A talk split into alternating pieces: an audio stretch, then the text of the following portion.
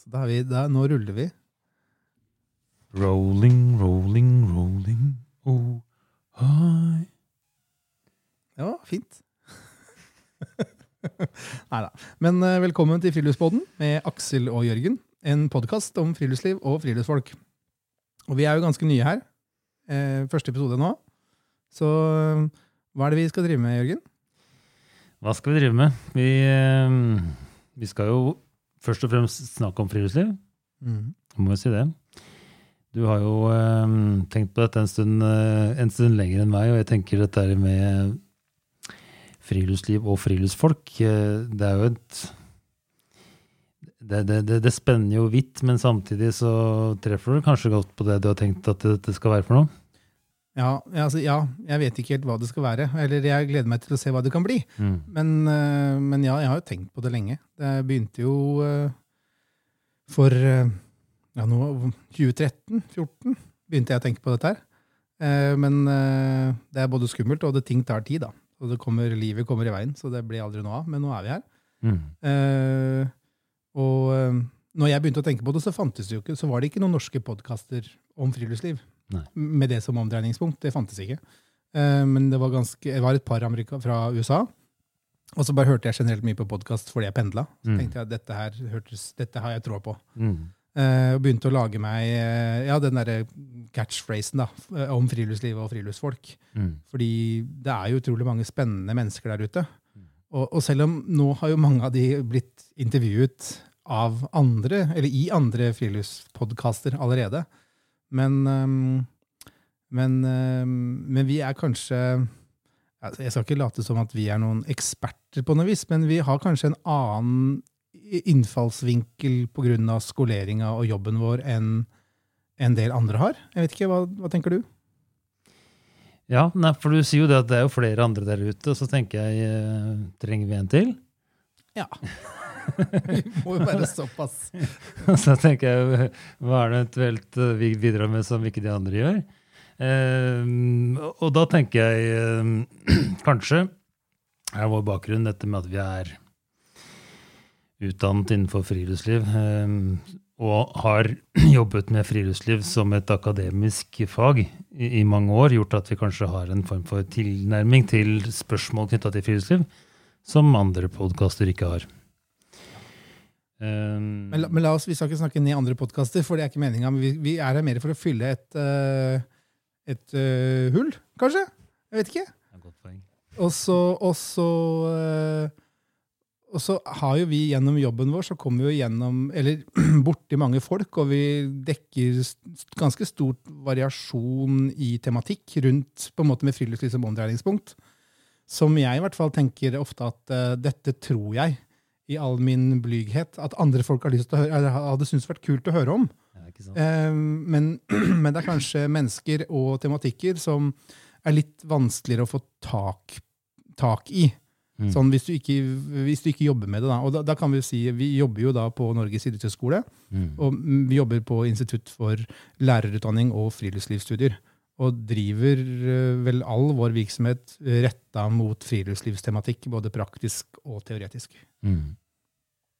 Så dette er på en måte vårt dette er vårt felt, så der hvor kanskje andre folk er eh, halvstuderte røvere, så har vi funnet at vi er faktisk i dette tilfellet helstuderte røvere. det, den likte vi, da. Den likte vi. Ja. Så eh, Nei, jeg har, jeg har hatt store vyer jeg, for denne poden her, men eh, så får vi jo se hvor det bærer. Men, men, men det er mange ting jeg ser. altså Friluftsliv har jo blitt et, et mer sånn inn-fenomen, kanskje. Gjennom sosiale medier særlig, kanskje. altså Det er blitt en sånn det har lange linjer, og vi kommer til å dekke det i senere episoder om, om friluftslivets historie og betydning for Norge og identitet. Altså Her er det masse å ta, både historier og, og på en måte utvikling av Norge som samfunn og nasjonale identiteter og sånne ting. Men, men, så det har alltid vært med oss i, Mm. i ulike varianter og på ulikt vis, tenker jeg. Mm. Men kanskje særlig med introduksjonen av Facebook, Instagram, Snapchat og en del andre sånne sosiale plattformer som folk bruker som en portal da, for Mm. å vise seg fram, og eller, eller, og, eller vise friluftslivet fram. Mm. Eh, Jeg tror nok tidligere så blant nordmenn flest så var nok friluftslivet kanskje ikke noe de eh, drev mye mindre med enn i dag. Eh, selvfølgelig dette med pandemi og isolasjon og sånne ting har gjort at man har, kanskje har fått enda mer tid. Men øh, det er nok et fenomen som har stått seg godt i mange år. Mm. Det som kanskje er forskjellen, som du sier, er at det, før så dro frilufterne ut i skogen, og så opplevde de noe, og så kom de tilbake igjen. Og vi opplevde jo Eller man fikk ikke noe særlig kjennskap til hva som fra man foregikk fra man så de forsvant inn i skogen til de kom ut igjen. Eh, nå er det jo nettopp det man får. Mm.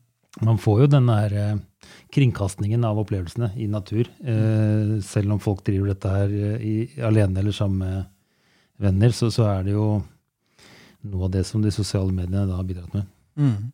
Og der, akkurat der er jo, der er jeg blitt inne på det jeg holder på i et sånt forskningsprosjekt ved siden av og da nå driver med podkast, men også å undervise, så jeg, driver jeg også og undersøker med, innenfor naturbasert reiseliv og da bruk av sosiale medier, blant annet. Da, mm. altså Knytta opp mot bærekraft. Så det er jo, er jo litt et sånt hjertebarn, for, eller et felt som jeg syns er ekstra spennende. Mm. Mens du, du holder kanskje ikke så mye på med sosiale medier som sådan?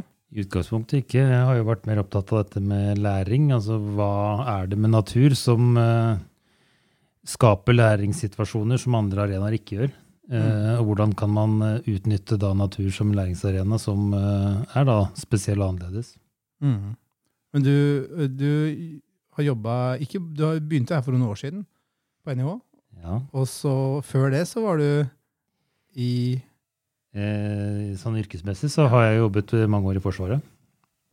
Eh, og Doktorgraden jeg skrev, var jo for Forsvaret i forhold til å utvikle praktiske ferdigheter for soldater som skulle ut og, og, og krige. Så det er jo en bakgrunn som er litt på sida av friluftslivsmessige, samtidig som mange av de ferdighetene som disse soldatene trengte, det var jo noe beslekta med hva som man faktisk trenger for å ivareta trygghet og framdrift når man er ute i naturen som eh, sivilist. Mm. Så det er jo Jeg syns jo bare allerede her nå så ser vi omfanget av et friluftslivsbegrep mm. som rommer veldig mye forskjellig. Mm. Eh, jeg tenker den, den, din, din, doktorgradsarbeid eh, er kanskje ikke noe som eh, man vanligvis forbinder, liksom knytter opp mot friluftsliv. Mens du opplever at er ganske, her er det ganske mange paralleller og overlapperheter, og at det kanskje egentlig plasserer seg Jeg vet ikke. Jeg tenker jo det at det er eh, relativt eh, stor karakteristisk forskjell på det å eh, være soldat og det man skal utrette som soldat, og det man gjør som friluftslivsutøver. Men en del av det grunnleggende som ligger i bånn av ferdigheter, og kanskje dette med nærhet til natur, mm. det tenker jeg er en fellesnevner. da. Ja. Og, og, for meg er det ikke det noe problem å, å se de uh, likhetene, selv om uh, virksomheten har helt forskjellige mål. Ja. Og, og, og jeg, eh, jeg, begynte som sagt, som nevnt, eh, å planlegge denne, for ganske, denne podkasten, eller konseptet her. da, Drodle på det for mange mange år siden, men da var det jo som et soloprosjekt. Mm. Eh, og nå er vi to. Det syns jeg er veldig hyggelig. Ja, og takk for å bli invitert. men, det er en ære. Ja, ja. Men vi er jo øh, øh, Jeg tenker det er jo ikke tilfeldig at det blei deg. Nei, ok. nei, nei, men altså, det har jo noe med uh, uh, ja, ja, hvem vi er som personer, eller altså på en måte hvordan man prater sammen. For, for det at uh, jeg, jeg, tror mange som hører på ja, ting på radio eller podkast, eller hvor, hvor, det er, da, så er det en del folk som har ganske mange spennende samtaler, som aldri blir tatt opp, selvfølgelig. Mm. Men det er litt sånn som jeg har tenkt når vi har sittet over kaffekopper på kontoret, så har vi drodla og filosofert, og vi har diskutert og, og vært uenige, ikke minst, men vært uenige på en sånn jovial og litt sånn det jeg opplever som sånn oppbyggende måte. da. Mm. Eh, og det tenker jeg også er litt spennende. Forhåpentligvis så kan vi få til det samme i podkasten. Mm. Eh, for det, det, som er viktig for meg, er at uh, prøve også å avdramatisere og kle av litt akademia. Mm. Jeg, jeg, jeg synes det blir kan fort, kan, kan fort, Akademiet kan fort framstå som eh, hva de kaller altså vitenskapens høyborg, eller sånne elfenbenstårn. Mm. Eh, mens, eh, mens, det er mer kanskje den undringa og ting som jeg lurer på, og knagger som jeg kanskje kobler ting på, da, som jeg har lyst til å, å, få fram her. da. Så vi har jo vi har en smørbrødliste med tematikker som vi har på blokka som vi kommer til å ta opp. Men det er klart, vi har jo også lyst til innspill fra deg som lytter. Og da kan du sende en e-post til eh, postalfakrøll at friluftsbåten.no. Hvis det er ting du vil at vi skal eh, undersøke, snakke om, ta tak i, hvis det er personer dere har lyst til å høre at vi skal intervjue, eller den type ting, så, så send oss en e-post, så, så, skal vi ta tak i det. Den adressen tror jeg du må gjenta. Post at friluftsbåten.no. Men nå skrev du noe på arket ditt. Ja, jeg gjorde det, for jeg tenkte Dette er noe vi har prate om en gang. Ja, hva da? Talentløs flid, står det her. Talentløs Flid. Flid? Ja.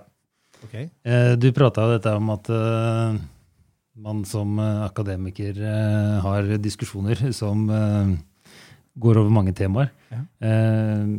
en tidligere kollega prata om, om, at i hvilken grad det er mye av det som produseres innenfor akademia, nyttig og fruktbart? Hvordan bidrar det til uh, samfunnsutviklinga og til de diskusjonene som tar samfunnet videre? Han opplevde at mye av det som skjedde på disse kontorene i akademia, også på idrettsskolen, var talentløs flid. Man uh, gjorde stor innsats for å eh, lage ting som tilsynelatende så godt ut. Ja. Eh, brukte de riktige referanseteknikkene, man brukte de riktige metodikkene osv. Og, så eh, mente han at eh, verden kom ikke noe særlig langt videre av, av, av det. Mm. Eh, hva skal jeg med dette her sånn, eh, Aksel? jeg, jeg, jeg, tror det handler om at uh, kanskje vi da, som en sånn pod, kan bidra til at man uh, uh, får fram problemstillinger som det blir jobbet med, og så kanskje da løftet det fram til at det kan være noe som kan være nyttig, og, og som kan bidra til at uh, samfunnsutviklingen og samfunnsdiskusjonen da tas et skritt videre. Mm. Det ikke bare blir på disse kontorene, mm. men at det faktisk tas i bruk. Ja. Absolutt. Og, og den derre altså Når du forklarte konseptet her, så, så, er det noe jeg kjenner meg igjen i. Mm. Det er jo ikke sånn at jeg Noen ganger så lurer jeg på hvem, hvem kommer til å lese dette? Mm. Eh, eller eh, altså Hadde jeg jobbet med kreftforskning, mm. så hadde jeg på en måte følt kanskje at eh, dette her var litt mer mat, eller veldig matnyttig. Eh, mens uh, ja, jeg, jeg, er av og til litt i tvil på på noen av de, de, konseptene jeg jobber med. Uh, hvor liksom viktig de er for verden. Men, men det er noe så.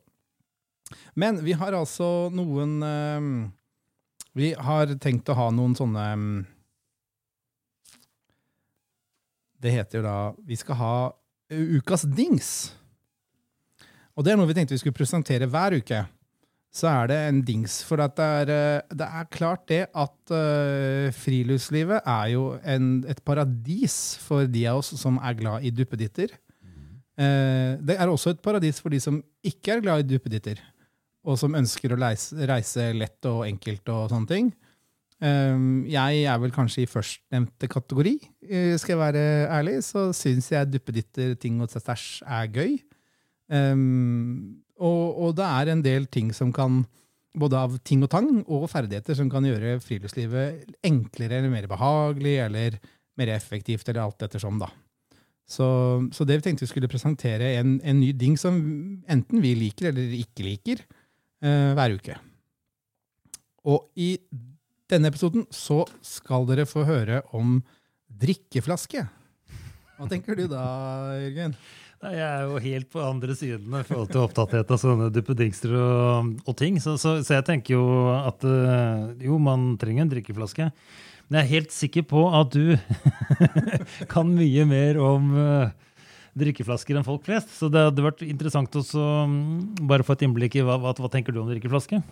Nei, jeg tenker at uh, i utgangspunktet så burde jo drikkeflaske være drikkeflaske. Og at det ikke egentlig var så farlig. Mm. Uh, og det er det jo heller ikke. Uh, på en måte. Men, men, så ser jeg jo det at uh, f.eks. på vinterturer så, det, så, gjør det livet lettere hvis du har én type drikkeflaske over en annen type drikkeflaske. Og det handler ikke om merker, men det handler om utforming og funksjonalitet. da. Eh, og, og, den spesifikke som jeg kommer til å snakke om i dag, det er da eh, en sånn eh, Leksan, heter det vel, et, merke, et, et stoffplasttype med, med, stor åpning og skrukork. for, for det er viktig? Ja for, det, ja, for det, er faktisk viktig. Eh, fordi det har, jo- vi, har jo, vi har jo med oss studenter på tur.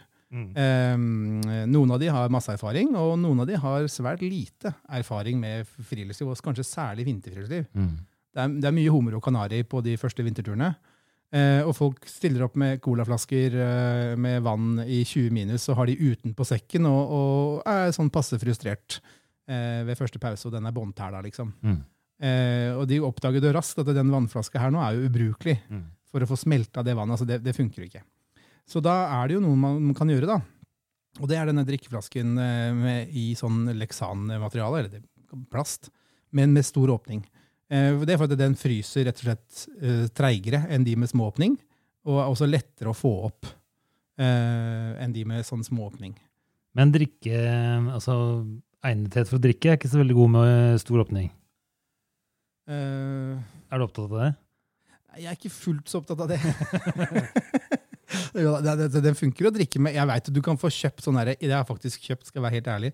Du kan få kjøpt sånn innlegg eh, som du putter inni åpningen, så du får sånn liten åpning. Så du får stor åpning med liten uh, åpning i tillegg? helt ubrukelig. Ja, Er det Ja. ubrukelig, Ja, det? det var helt tull- tullete. Ja. Uh, ja, så det, det var liksom ikke noe point. Men, men, uh, men du greier å få i deg vann. Det er liksom det. Men, men det er jo én ting. Eh, At du greier å drikke den. Det, hvis man tar det litt rolig og ikke suser så fælt og fokuserer på å drikke, så går det stort sett greit. Mm. Men, men det kan jo at du har behov for å fylle opp vann Mm. underveis.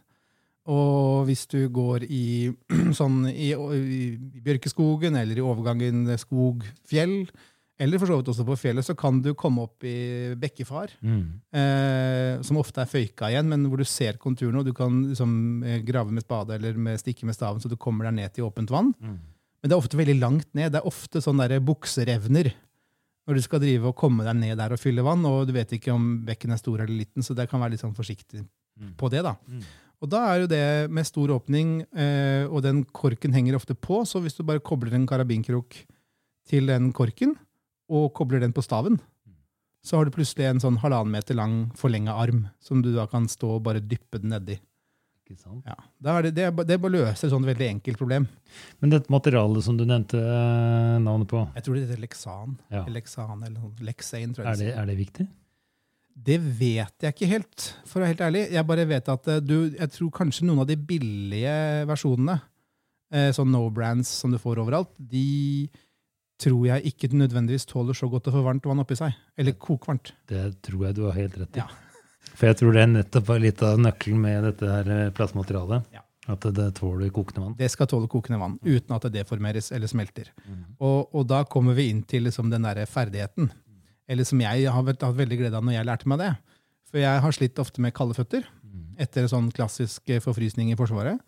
Eh, og i lang, mange år så putta jeg jo da, helte jeg da varmt vann på den, den, den drikkeflaska, og tok en ullsokk utapå, for den blir jo, hvis du heller kokende vann, så blir det fryktelig varmt, så du kan faktisk få brannsår. Så jeg helte kokende vann oppi, lukka igjen, eh, tok ut trykket ved å riste litt, og så åpne på nytt, så ikke det var sånn veldig høyt trykk inni der. Trakk på en ullsokk og la den i bunnen av soveposen. Mm. Og putta beina mine på den, og, og fikk varme. Mm.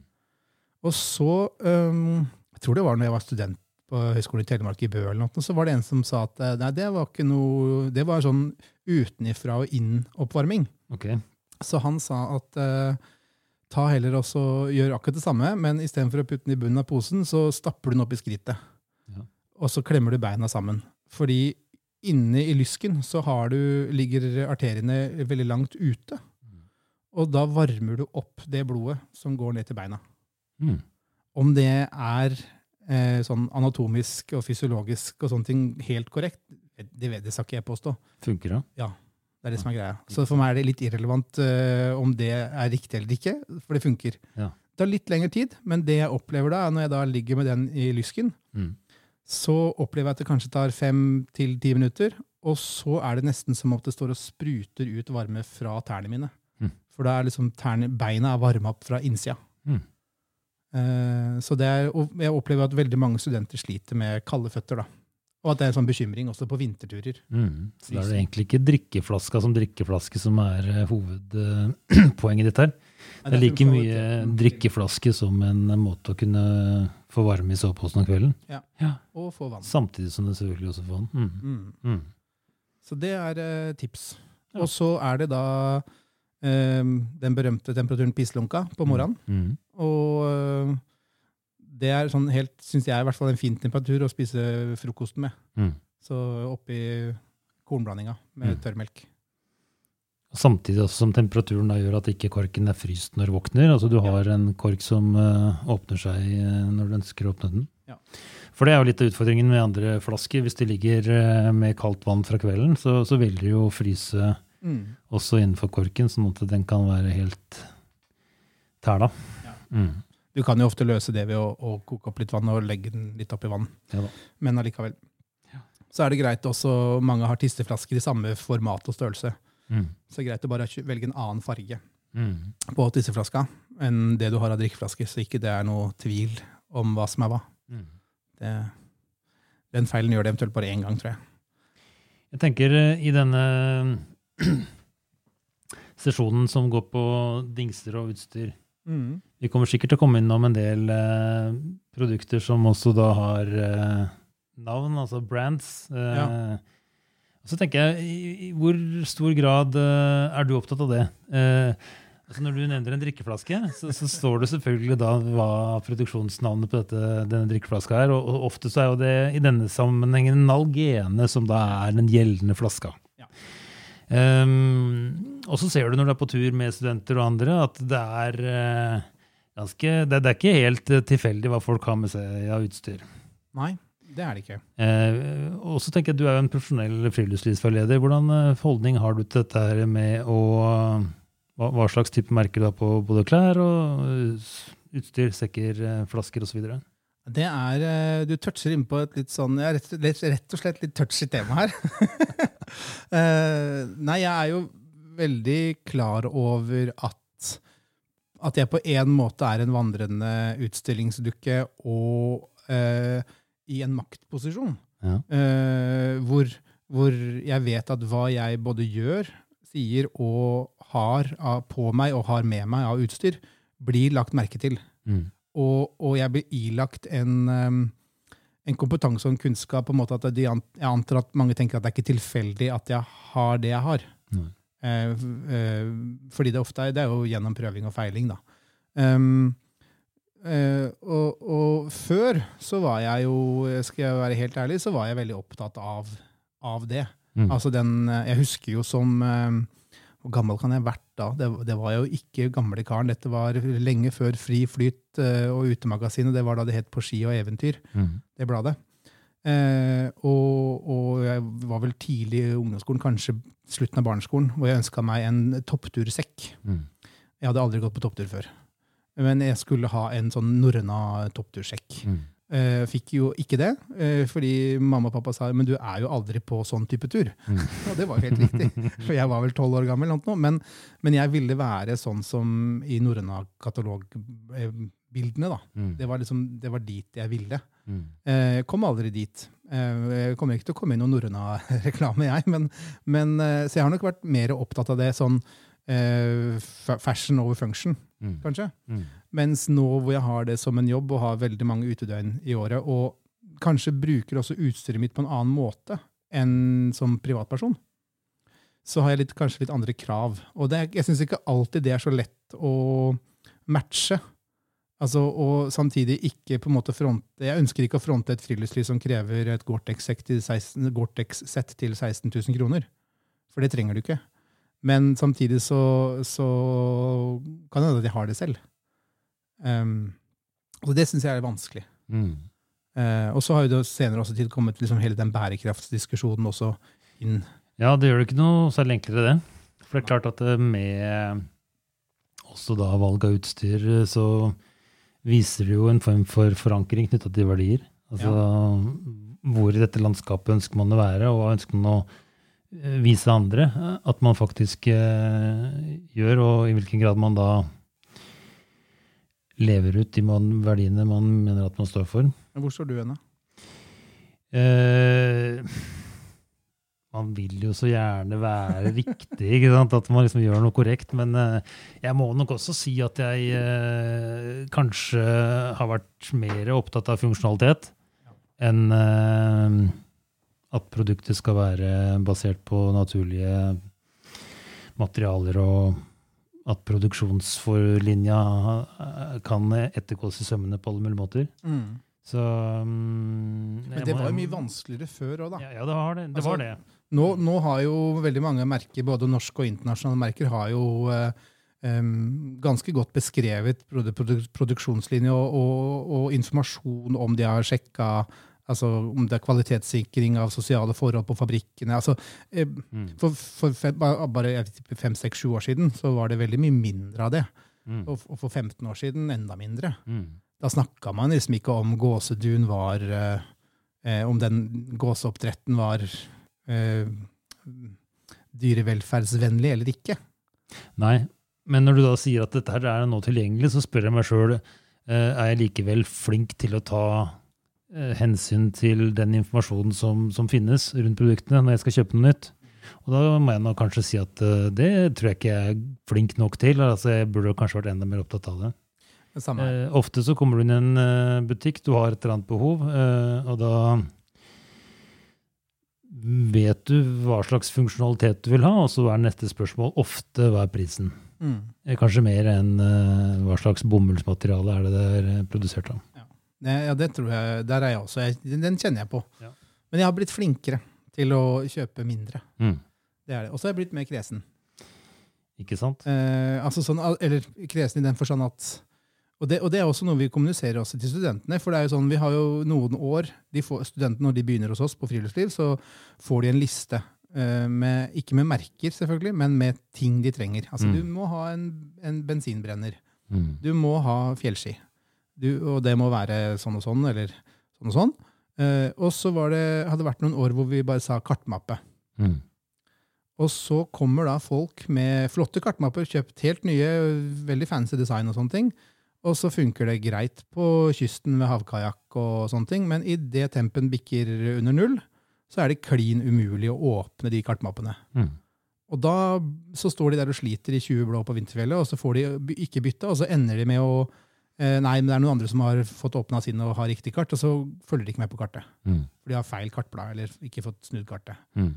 Og da har jeg tenkt at da må vi, når vi vet at det er andre kartmapper som faktisk funker, i 20 minus, Mm. hvor det er veldig enkelt, så ser jeg ikke noen grunn til at vi ikke skal anbefale da et spesifikt merke.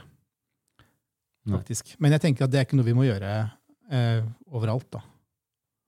Nei, og jeg tror også det er viktig, kanskje spesielt for oss da, som uh, blir veldig syn synlige i praksis, som Mm. de, de som står og formidler uh, det faglige innholdet, og, og kanskje får da en uh, ofte en sånn rollemodellfunksjon.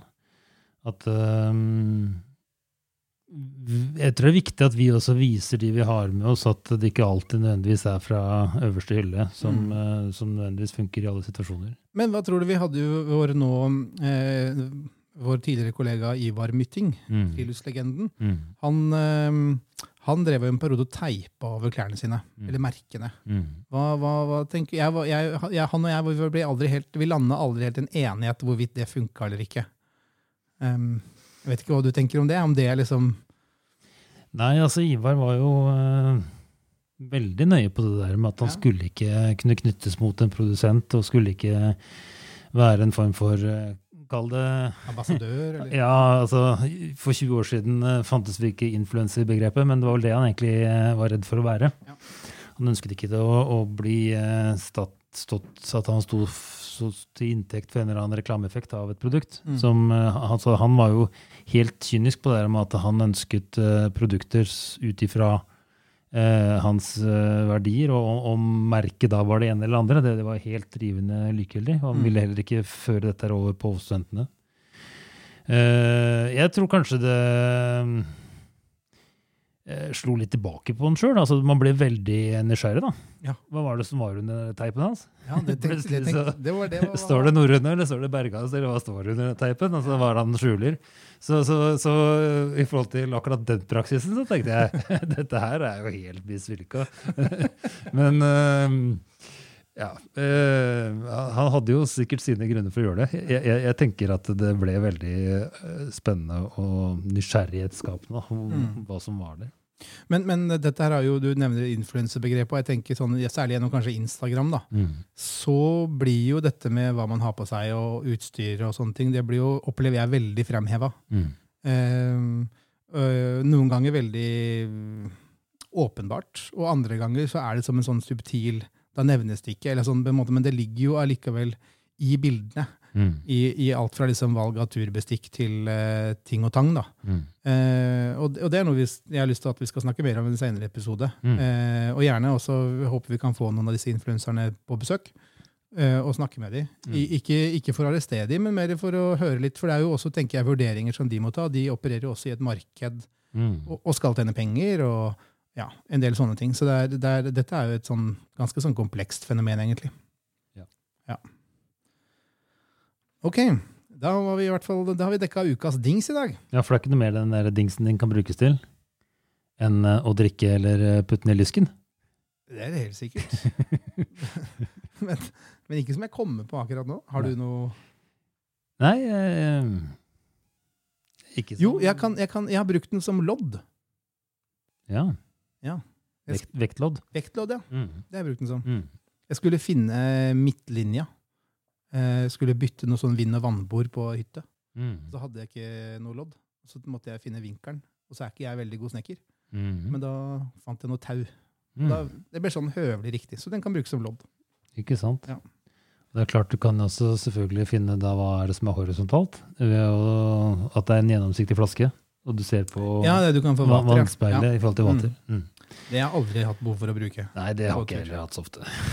Men det er klart, de som er veldig opptatt av å finne Multipurposes. vinkel på et skredterreng, kan jo ta det Ja, som de et bruke det. utgangspunkt. Ja, men da skal vi hva som er null.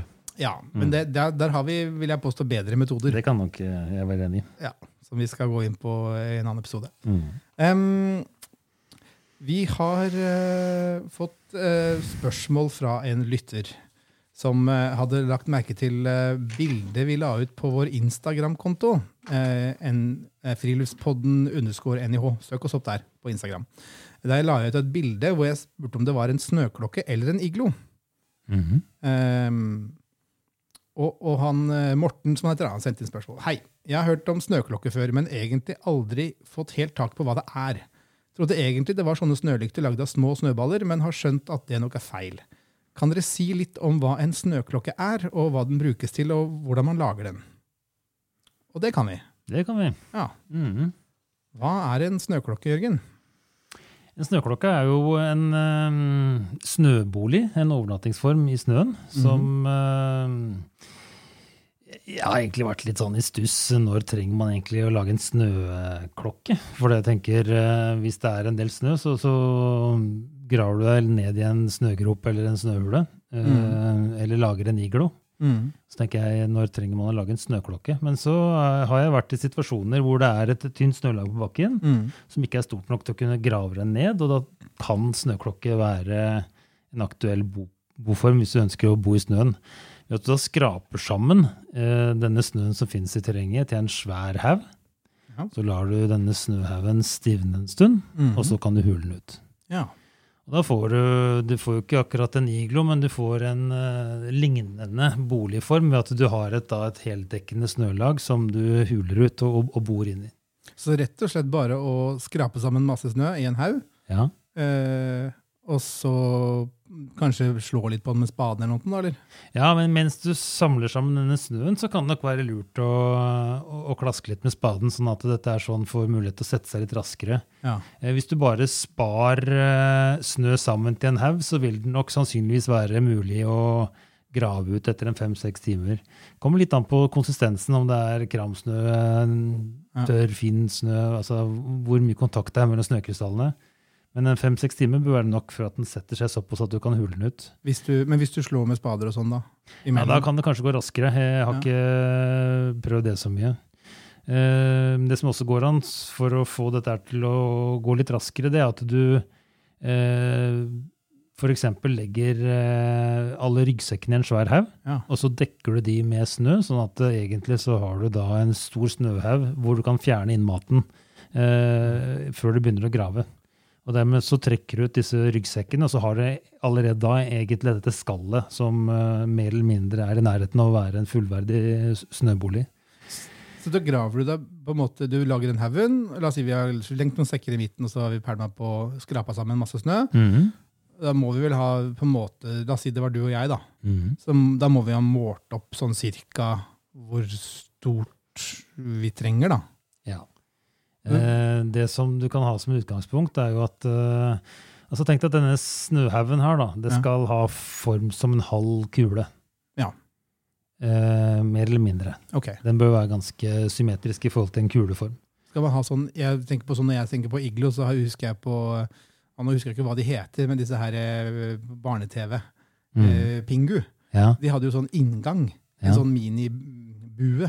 Ja. Skal vi lage noe sånt, eller er det Det går an, men det kan man eventuelt lage etterpå med noen blokker eller noe. Okay. Jeg tenker, Det du tenker på først, det er at du eh, lager denne snøhaugen, og så begynner du å, å hule den ut. Ok. Eh, I forhold til eh, størrelse så mm, eh, trenger man som oftest kanskje rundt to meter plass til å ligge inni i hula. Mm. Eh, Og veggene bør være ca. 30 cm tjukke i alle retninger. Ja. Så det betyr at uh, radiusen i denne haugen bør være på ca. 1,30-1,40. Ja. Kanskje opp mot 1,50. Ikke sant. Ja. Mm -hmm. uh, og da har du nok plass til å, til å bo godt på innsida. Eh, Det som kan være et triks, det er jo at uh, når du er inni denne snøhaugen for å hule den ut, så er det vanskelig å vite hvor nærme ytterkanten du er. Ja. Hvis du før du begynner å grave, stikker inn pinner, som er da av den lengden som er tjukkelsen på veggen som du ønsker å ha, altså Som- si at du ønsker 30 cm tjukke vegger, Ja. så tar du da pinner som er 30 cm, og stikker inn utenfra. Mm.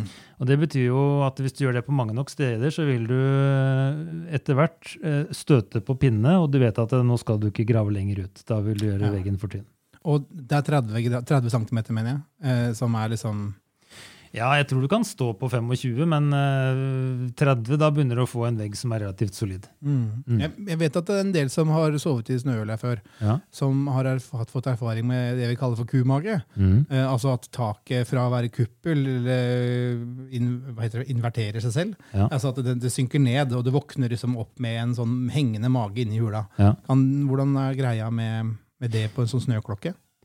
Eh, altså Hvis du klarer å lage eh, da denne snøhaugen såpass symmetrisk at den har en eh, god krumning rundt hele, Ja. som er relativt lik, Ja. og du får den til å bli like godt klappa overalt, sånn at det er like stor fasthet i snøen på de Ja. ulike delene av eh, denne snøhaugen, så skal man kunne unngå at eh, det, det synker eh, i midten. Mm.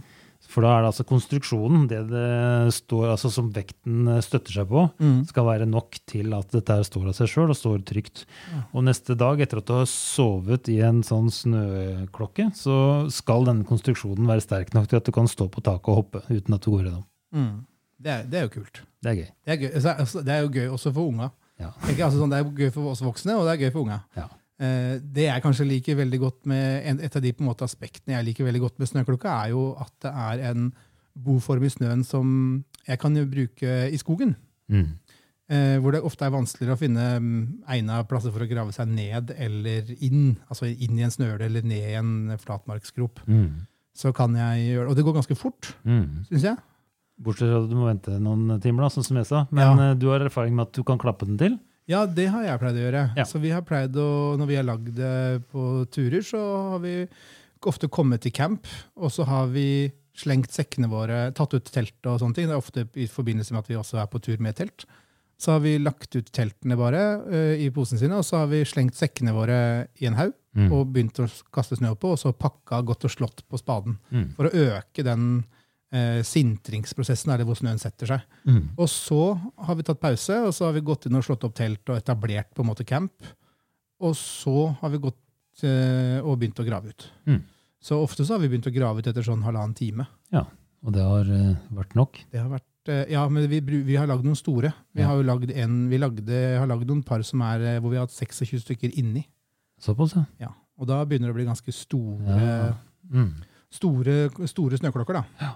Eh, men da har vi brukt det som et klasserom i fjellet. Mm. Rett og slett. For det blir jo, det blir jo hvis du da lukker igjen døra inne der eh, med en sekk, eller noe, så, så blir det ganske lunt og godt. Mm. Eh, og helt stille, eh, selv om det blåser ute. Du er skjerma, og med da et par lys så er det jo et veldig koselig klasserom Mm. for oppsummering av dagen eller snakke om morgendagen og sånne ting. Mm. Så det er ganske kult på tur hvor vi ellers ikke kunne samla hele gjengen i ett sted, på, på en måte på ett sted innendørs, hvis du kan si det sånn. Mm. Så har vi kunnet bruke den uh, snøklokka. da. Men det er klart, en, en snøklokke til 26 personer det er et litt større prosjekt. Ja, og da er det en del ting som du også sikkert må tenke på i forhold til krumning på taket, og at det blir eh, solid nok. Ja. Eh, Det som kan også være et tips, er jo at eh, dette er jo noe som det kan være artig å bygge, f.eks. sammen med barn også utenfor Mm. der man bor. Ja. Altså Man trenger jo ikke dra til fjells for å bygge en snøklokke. Jeg har gjort det rett utenfor huset, Ja. hvor eh, jeg samla noen unger, og så bygde de snøklokke sammen, og så overnatta vi der. Mm. Eh, fem meter fra inngangsdøra. Ja.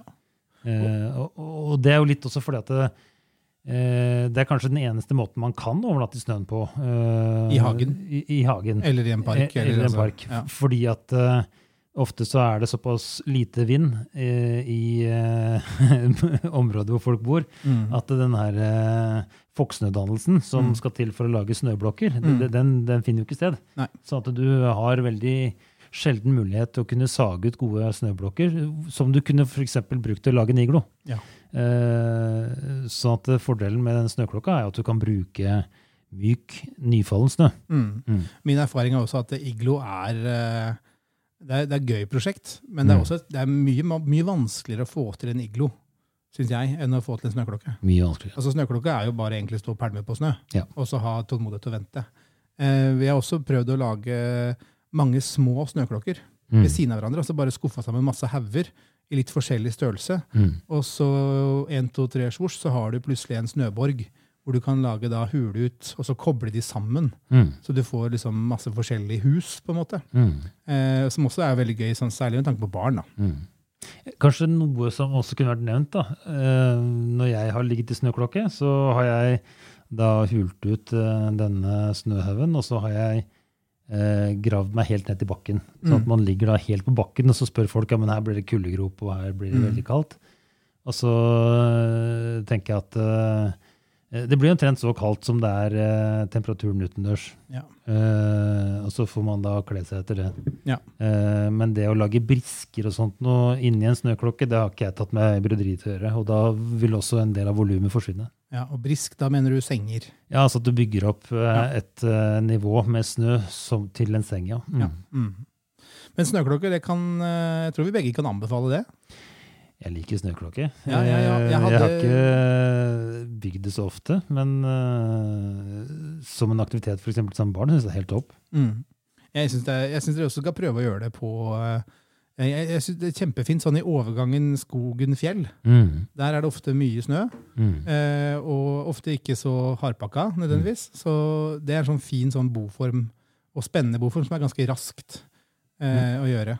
Eh, så anbefaler alle å prøve, prøve å bygge en snøklokke. Og også tidlig på vinteren, før eh, det Ja, har blitt så store snølag at man kan grave seg ned i den. Ja, Absolutt. Ja. Men um, vi har runda, runda kula, vi nå. Vi har det? Ja. ja. Podkula? Podkula. Nei da. Men uh, dette var første episode. Så håper vi å høre deg Nei, det blir feil. Vi håper at du hører på oss neste gang vi slipper en episode. Det blir om ca. en uke. Ja. Sats på det. Da gjør vi sånn. Og så sier vi takk for oss. Takk for seg.